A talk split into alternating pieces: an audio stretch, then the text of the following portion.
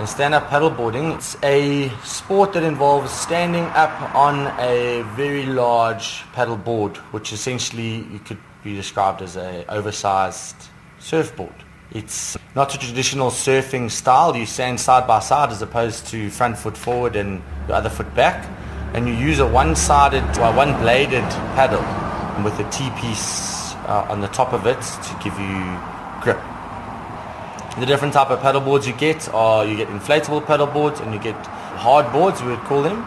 The difference being that uh, the inflatable boards you can pack up into a bag and travel with quite easily, and the hard boards are generally more specific performance boards. You know, if you're going to surf or if you're going to race or if you want to only ever use it on flat water, then a hard board is nice. If you if you're uncertain where you want to use it, inflatable paddle boards where I put my money. They are robust, they're very light, they pack up into the bag and they don't show the damage as, as much.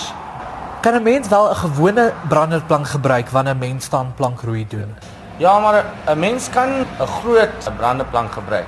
Maar die paddleboards is bietjie meer stabiel. 'n Surfboard of 'n branderplank is kleiner as as 'n paddleboard is. Jy kry 'n groot paddleboards en jy kry ook die, die kleines. As jy wil surf, dan dan dan vat jy 'n klein paddleboard. Maar dit is nie dieselfde uh, soos 'n surfboard nie. Wat werk beter, 'n groot plank of 'n kleiner een? As jy 'n groot ou is, dan moet jy 'n groot bord vat. En as jy 'n klein meisie is, kan jy 'n klein een vat. Maar again, it, it it it goes to what you want to use it for. So if you want to surf, then you must go slightly smaller. If you want to paddle on the dam and on the Vaal, you know, then you don't the smaller the board, the more unstable it's going to be and the less uh, distance you're going to cover.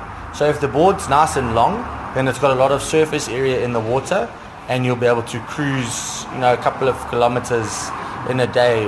Where if you take a very short surf type board, then you're going to be very slow, but more maneuverable. So that's where the difference really comes in. Watter soort ander toerusting gebruik mens van 'n mens hierdie tipe sportsoort doen? Uh, net die net die borde in die span. En dan en 'n bietjie water. En 'n leash. Die leash is for safety. So as if you're in a surf and and you fall off, then the leash keeps you attached to your board. So doen 'n mens hierdie net in vars water of kan 'n mens dit ook op die see doen? Jy kan in die see, die rivier, op die dam, in jou swembad as dit groot en genoeg is. So paddleboarding is nie soos kayaking nie want die die boot is klein is nie so groot soos 'n kajak nie. En jy kan hom eh, ouens uh gebruik vir al tipe applications. Hulle visvang, hulle surf in die waves, hulle surf op die rivier.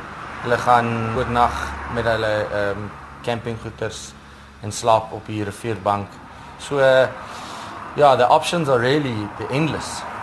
Waarvan is hierdie gemaak? Want ek sien dat dit twee tipe materiale is, die een bo is bietjie grower. So ek dink dit seker sodat 'n mens maklik op kan staan, ja. Ja.